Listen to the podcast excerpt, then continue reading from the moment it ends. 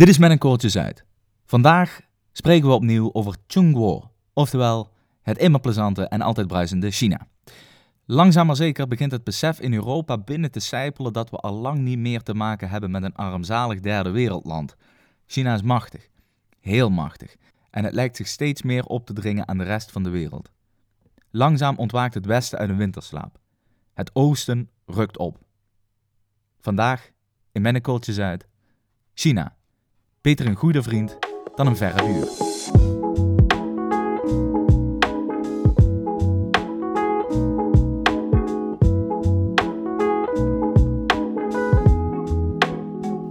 Max, wij hebben iets meer dan een jaar geleden de podcast gemaakt die heette Te koop aangeboden tweedehands zijderoute. Mhm. Die ging online op 29 oktober 2019. Mhm. En daar hadden wij het over China en hun nieuwe zijderoute. En die sloten we eigenlijk af met een ehm, ja, kleine ge- gedachtenspelletje, of ge- gedachte-experimentje met eh, of China nu de nieuwe wereldleider zou worden. Of de 21ste eeuw een Chinese eeuw zou worden. Ja. Nou, daar hebben we het een beetje eh, een open eind aan, eh, aan gehouden. Maar misschien dat we daar vandaag eens wat dieper in kunnen duiken. Ja. Ja, het zal wel moeten, hè. We maken podcast, dus dat... Dan moeten we het toch ergens over hebben. Ja. Nou, het is natuurlijk een, een, boeiend, een boeiend onderwerp.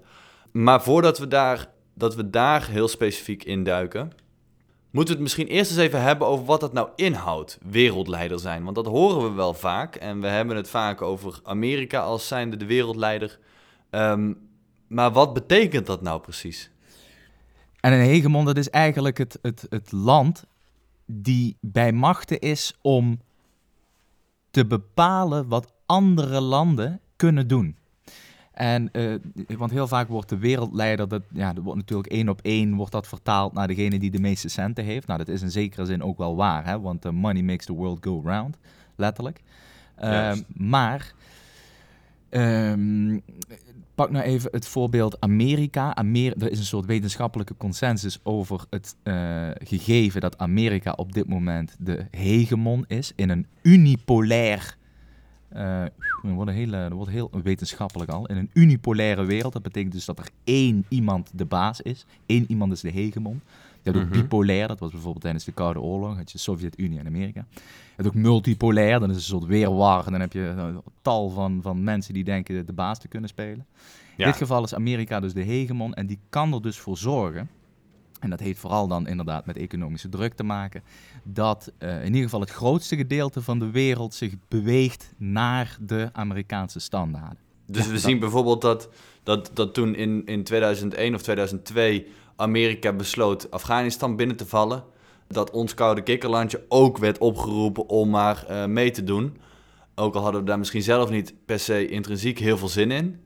Eh, we dachten toch van ja, laten we maar luisteren naar grote broer Amerika. Want als we nou niet meedoen, kan Amerika ons economisch of diplomatiek wel eens gaan straffen. En daar hebben we geen zin in. Ja, dat is, die- dat is die hard power. Hè. Dat is gewoon, eh, als jij niet wil luisteren, dan eh, sturen we een leger op je af. Hè. Ja. Dus dat is gewoon heel makkelijk. Maar je hebt natuurlijk ook soft power. En ik denk dat dat ook wel een boeiende is om straks eventjes over te praten. Zeker als we het gaan hebben over China. Kijk, die Amerikanen, de Amerikaanse cultuur, de Amerikaanse manier van leven. Dat is natuurlijk ook een relatief groot exportproduct geweest voor die, voor die beste Zo. mensen. Want zeker hier in de, ja, noem ik dan maar even de transatlantische contraien. Dus eh, Noord-Europa, eh, Groot-Brittannië, VS, Canada. Die hebben wel een vergelijkbare levensstijl. Er zitten natuurlijk wat, wat verschillen in hier en daar. Maar Mhm. het is toch een, eh, eh, ja, een vergelijkbaar ding.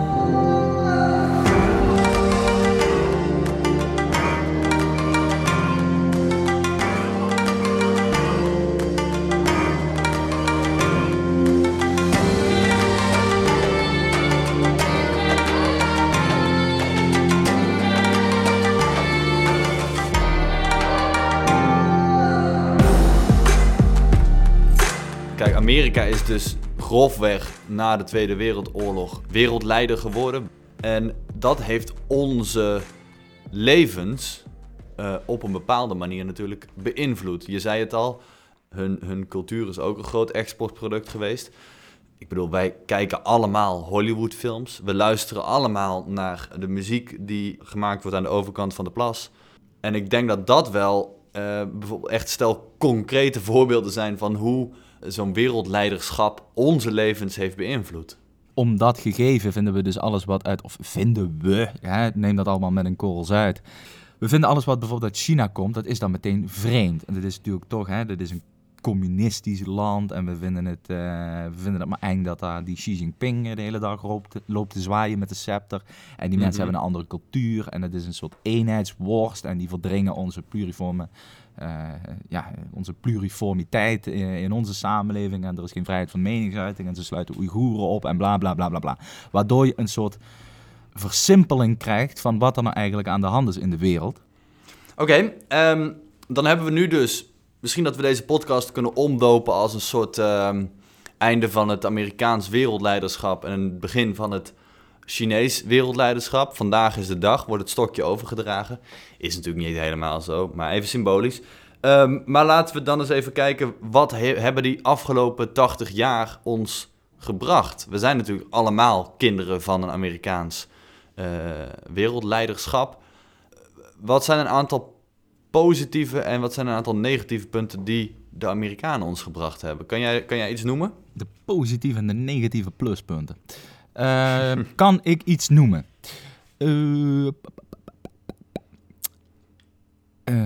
Poeh. Kan ik iets noemen? Ja, blijkbaar niet. Nee? Nee. Jij wel? Nou, ik kan wel. Ja, als je kijkt naar eh, individuele vrijheden, dingen als economische welvaart, die we in Nederland natuurlijk ook gewoon gezien hebben na de jaren. Hè, de, de Marshallplan, wat na de Tweede Wereldoorlog kwam, dat was toch grotendeels de Amerikanen die ons even uit het slop getrokken hebben. Mhm. Nou ja, en die individuele vrijheden. Maar Ik is denk dat, dat iets daar- Amerikaans? Ik denk dat, juist dat het iets heel Europees is, individuele vrijheid. De renaissance Mm. is uiteindelijk gewoon eh, hier bedacht, hè? Ja, nou, ik denk dat het met dit soort grote thema's is het natuurlijk nooit zwart-wit. Het is niet dat we zonder Amerika hier allemaal nog in een, in een, in- ja, in een soort autoritair systeem zouden leven. Absoluut niet. Maar ik denk wel dat het een onderdeel is geweest. Hè, dat de Amerikanen dat ook toch wel naar ons hebben geëxporteerd. Want inderdaad, er zijn landen die minder invloed hebben gehad van Amerika, die ook, nou, die ook vrij zijn. Japan. Ja, bijvoorbeeld. Maar die hebben ook wel heel erg veel invloed gehad van Amerika. Dus dat is dan weer een slecht voorbeeld. Ja, Eh, individuele vrijheden. Ja, dus eh, de, de, de liberale, eh, liberale gedachtegoed. Ik ben het natuurlijk wel met je eens dat de Amerikanen altijd hoog in het vaandel hebben gehad. Eén, dat je moet kunnen zeggen wat je wil. En dat je je moet kunnen ontplooien zoals je wil. Dat is wel een beetje de, de, dat Amerikaanse, die American Dream vibe. Eh, en ik denk dat dat wel iets is wat, eh, ja, wat, wat we hebben meegekregen, zeg maar, van onze grote su- suikeroom eh, Ja. Amerika. Waarheid niet dat het natuurlijk niet per se Amerikaanse ideeën zijn. Hè? Dat komt natuurlijk van het, van het Europese vasteland uiteindelijk. The American Dream is toch wel een... Ja, nee, maar ik, ik heb zoiets als individuele vrijheden. Ja, ja. Hè? De renaissance, ik zei het al, dat is natuurlijk allemaal Europees. Ja. Een aantal negatieve punten. Ik zit er meteen te denken aan... ehm, nou, ik denk dat er geen enkel land ter wereld is... wat in de afgelopen 80 jaar zoveel oorlogen heeft gestart als Amerika. En dat was natuurlijk allemaal in de goede naam van vrijheid en democratie. Ja, Maar hoe je het ook framed, het waren oorlogen. Eh, ja. ja. Eh, en ik denk dat dat natuurlijk wel een van de mindere punten is. En hoeveel waren er nou echt succesvol? Volgens mij hebben de Amerikanen na de Korea-oorlog van de jaren eh 50 geen enkele oorlog gewonnen. Dus dan hebben we het over eh, Vietnam hebben ze natuurlijk verloren. ja. Irak. Eh, ja, Irak, Afghanistan. Het is ook allemaal niks geworden. Nee. Ja, dat- ja, dat is dan toch wel weer die Amerikaanse hegemonie die daarin meespeelt. Ja, nee, inderdaad. Ik denk dat dat geen eh, fatsoenlijke erfenis is, nee. En, eh, maar daar zullen we het zo meteen eens over hebben. China is een stuk minder moord, eh, oorlogszuchtig dan de Amerikanen, denk ik. Ja, maar daarom eh, vind ik, heb ik ook altijd moeite met... Want hier in Europa denken we, als, als we denken aan hegemonie... dat het ook een soort tirannie is van degene met de dikste zak geld. Maar je moet je ook afvragen of China überhaupt wel gebrand is op het ook cultureel domineren van uh, bijvoorbeeld Europese landen of de landen in, in Azië. Mhm. Ehm, of dat, zij, of dat dat helemaal niet zo gigantisch veel boeit. Dat zij gewoon knaken willen verdienen. Want zij, hebben, zij komen natuurlijk wel uit dat Tianxia-principe, dat all under heaven. Als je ook kijkt naar hoe China geschreven is in het Chinees, bestaat uit twee tekens. De ene is middel en de andere is eh, land, dus het middelland. Zij denken dus, net zoals iedereen eigenlijk overal ter wereld, in het middelpunt van de beschaving te staan. En dat alles daaromheen een soort barbaarse, ja, uh, samenraapsel is van allerlei volkeren die toch net iets minder, succes zijn dan, iets minder succesvol zijn dan zij. Het blijkt dat de Amerikanen het heel erg interessant hebben gevonden om overal ter wereld even te komen vertellen hoe ze hun uh, vooral politieke systemen moeten inrichten. Maar de vraag is of de Chinees dat ook wil, of dat hij gewoon geld uh, wil, wil verdienen. En uh, misschien dat we daar heel snel uh, conclusies over uh, trekken in, hier in het Westen. Dat we denken, nee, die gasten leggen ons zo meteen een of andere, ja, hoe noem je controle staat op. Waarbij als je twee keer door rood wandelt, dan, dan heb je voordat je thuis komt al drie brieven van de staat met een boete in de brievenbus zitten. Want dat is natuurlijk een beetje het, het, het doembeeld wat, wat je vaak te horen krijgt. Als we het hebben over, nou, China gaat het stokje overnemen in de komende jaren. En dan worden we, al, worden we allemaal een politiestaat, inderdaad. En dan, dan wordt het, gaan we in een soort Black Mirror-episode eh, leven, waarbij je constant gecontroleerd wordt of je gedrag wel voldoet aan de maatstaven. Ja, wat natuurlijk ook niet zo raar is, want ze hebben daar zo'n social credit system. Dus nou, je moet je daar ook een beetje gedragen. Dat wordt ook allemaal goed gecontroleerd. En mhm. dat zijn wel zaken waarvan we ons inderdaad moeten afvragen of dat wel zo handig is om. Uh, of je daar inderdaad mee bevriend moet zijn of dat je dat beter kunt hebben als een verre buur.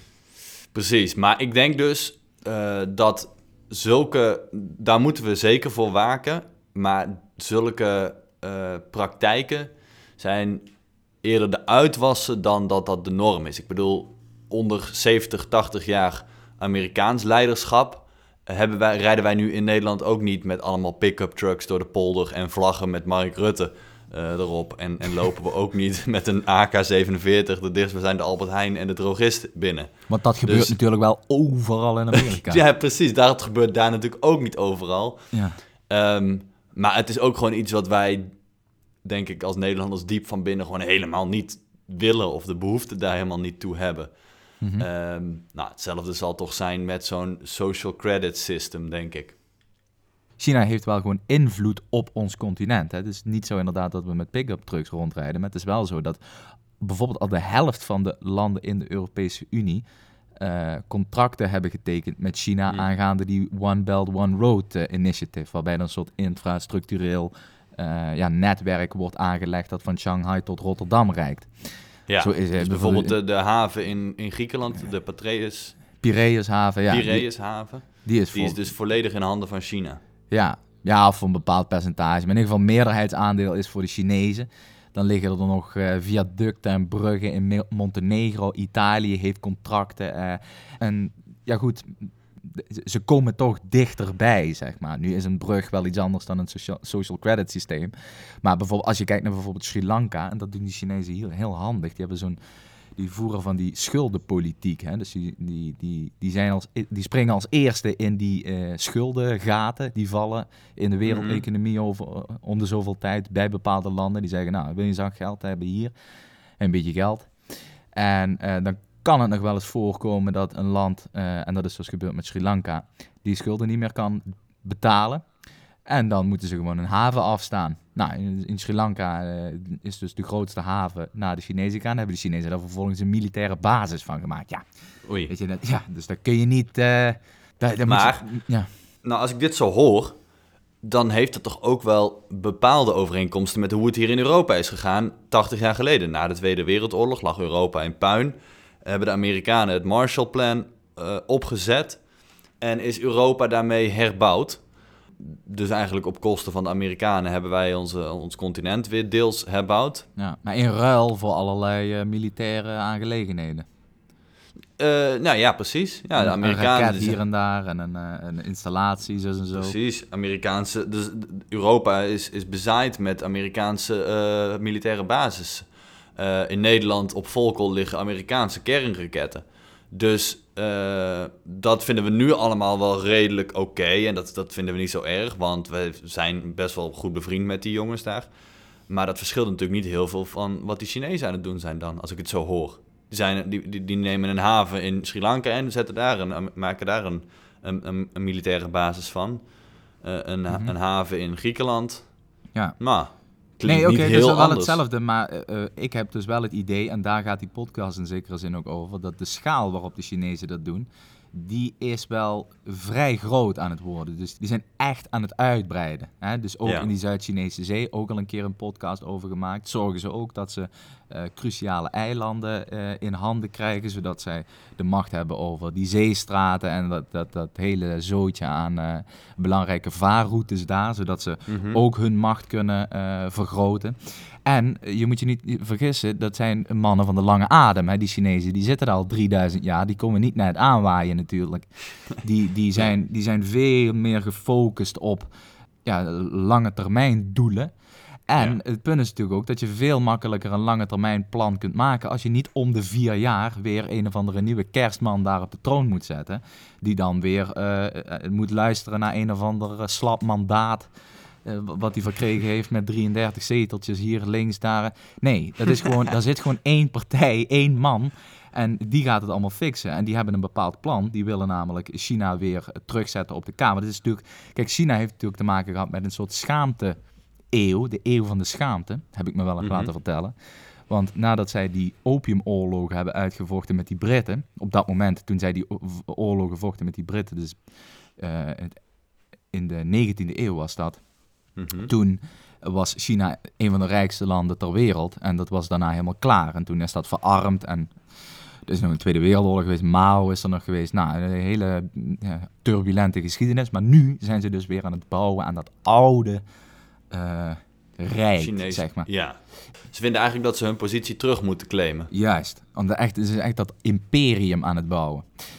Maar, en dat wilde ik zeggen, het feit dat daar één iemand aan de macht zit, eh, dat is natuurlijk ook eh, in zekere zin wel fragiel. Hè? Het is al vaker gebeurd in de Chinese ge- eh, politieke geschiedenis dat die communistische partij zichzelf flink een hak zet, omdat er dan weer corruptie ontstaat en weet ik veel, dat de, dat de popjes vallen, zeg maar. Dus dat, Ja, je ziet nu toch ook wel dat, dat Xi Jinping steeds meer de macht naar zichzelf toe aan het trekken is. Precies.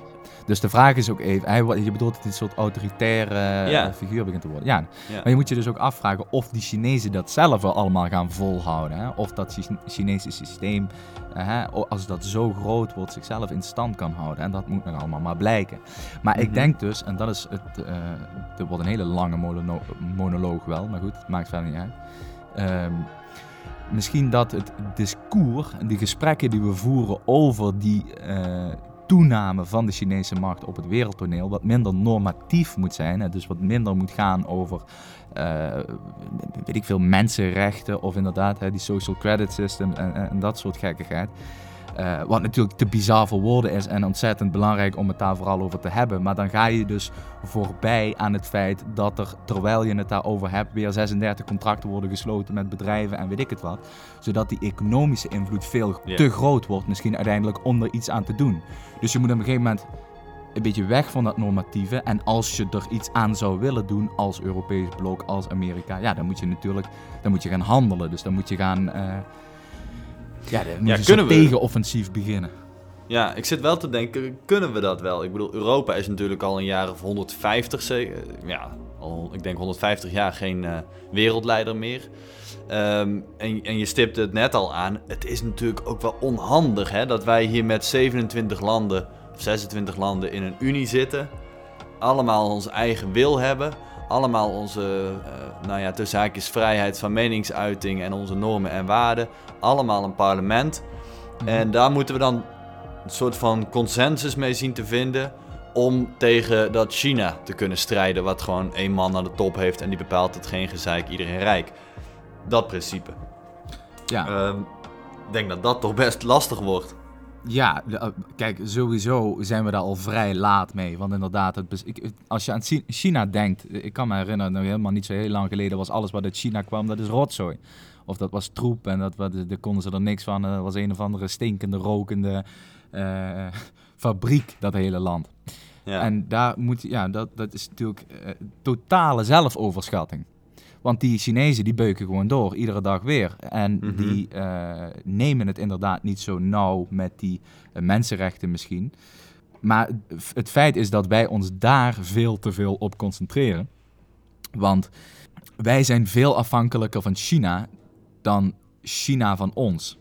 ja. En dan heb ik het over Nederland als land is veel afhankelijker van China dan China van Nederland. China blijft China zonder Nederland. Maar als Nederland zonder China gaat zitten, ja, dan, wordt het, dan, dan gaat het in sommige industrieën toch, toch vrij...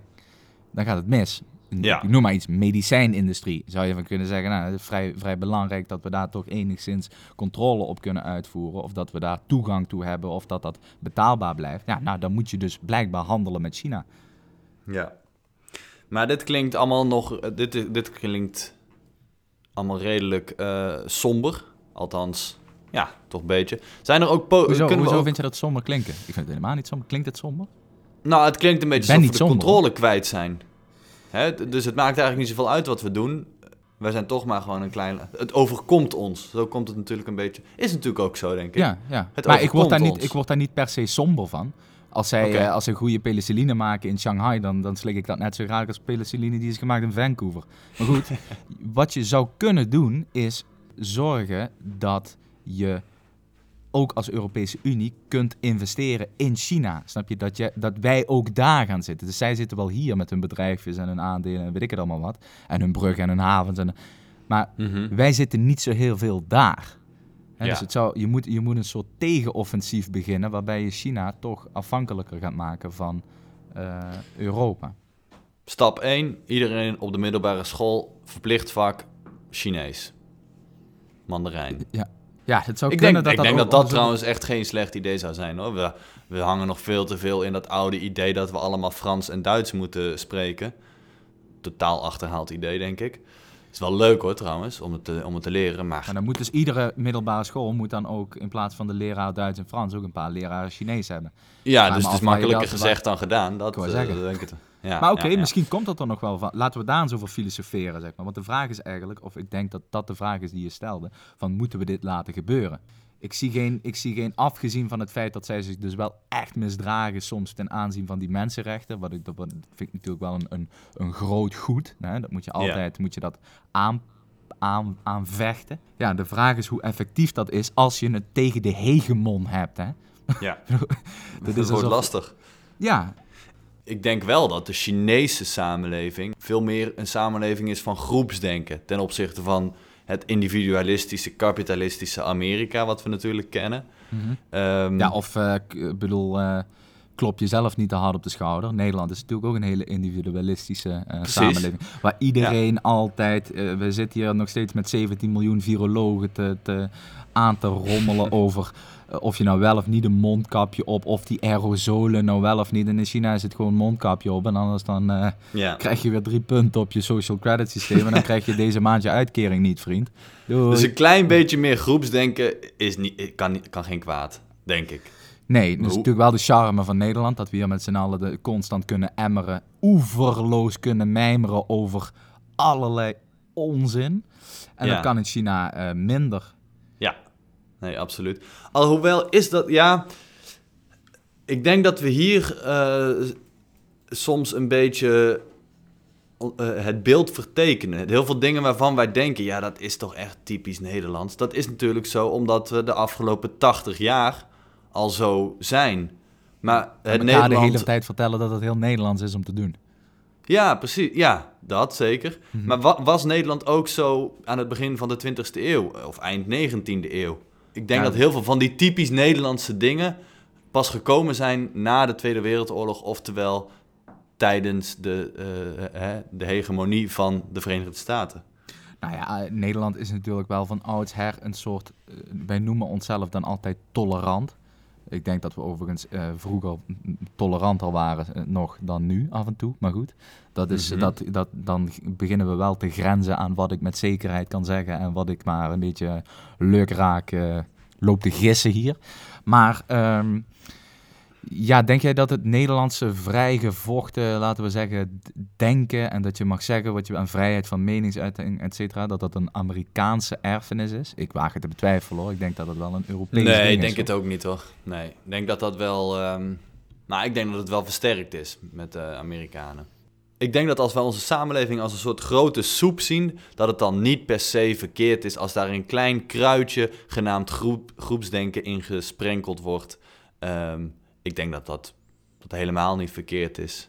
En dat we dan eh, in de long run allemaal best gelukkig worden.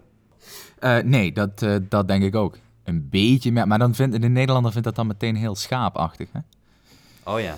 Nou, En dat is ook het beetje, daarom vinden we dat China ook zo eng. Hè? Dat komt er steeds dichterbij. En dat zijn eigenlijk allemaal schapen. En het is een soort mierenhoop die maar doet wat eh, de grote baas zegt. En dat vinden we in Nederland allemaal doodeng. Is ook doodeng natuurlijk. Maar ik, misschien overdrijven we het.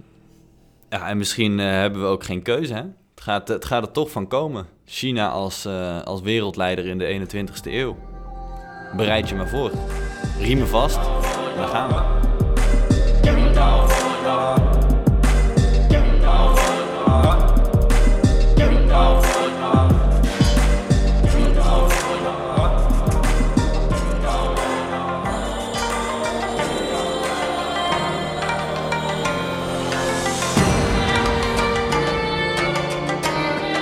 We er helemaal klaar voor zijn of niet, dat weet ik nog niet. Deze episode is in ieder geval wel klaar en afgelopen. Bedankt voor het luisteren. Volgende week zijn we er weer. Wil je ons steunen? Ga dan even naar www.petje.af slash korreltjesuit. Dan kun je lid worden. Dat zouden wij super tof vinden, want daarmee houden wij deze podcast draaiende. Volgende week zijn we er uiteraard weer met een ander onderwerp. En eh, tot volgende week.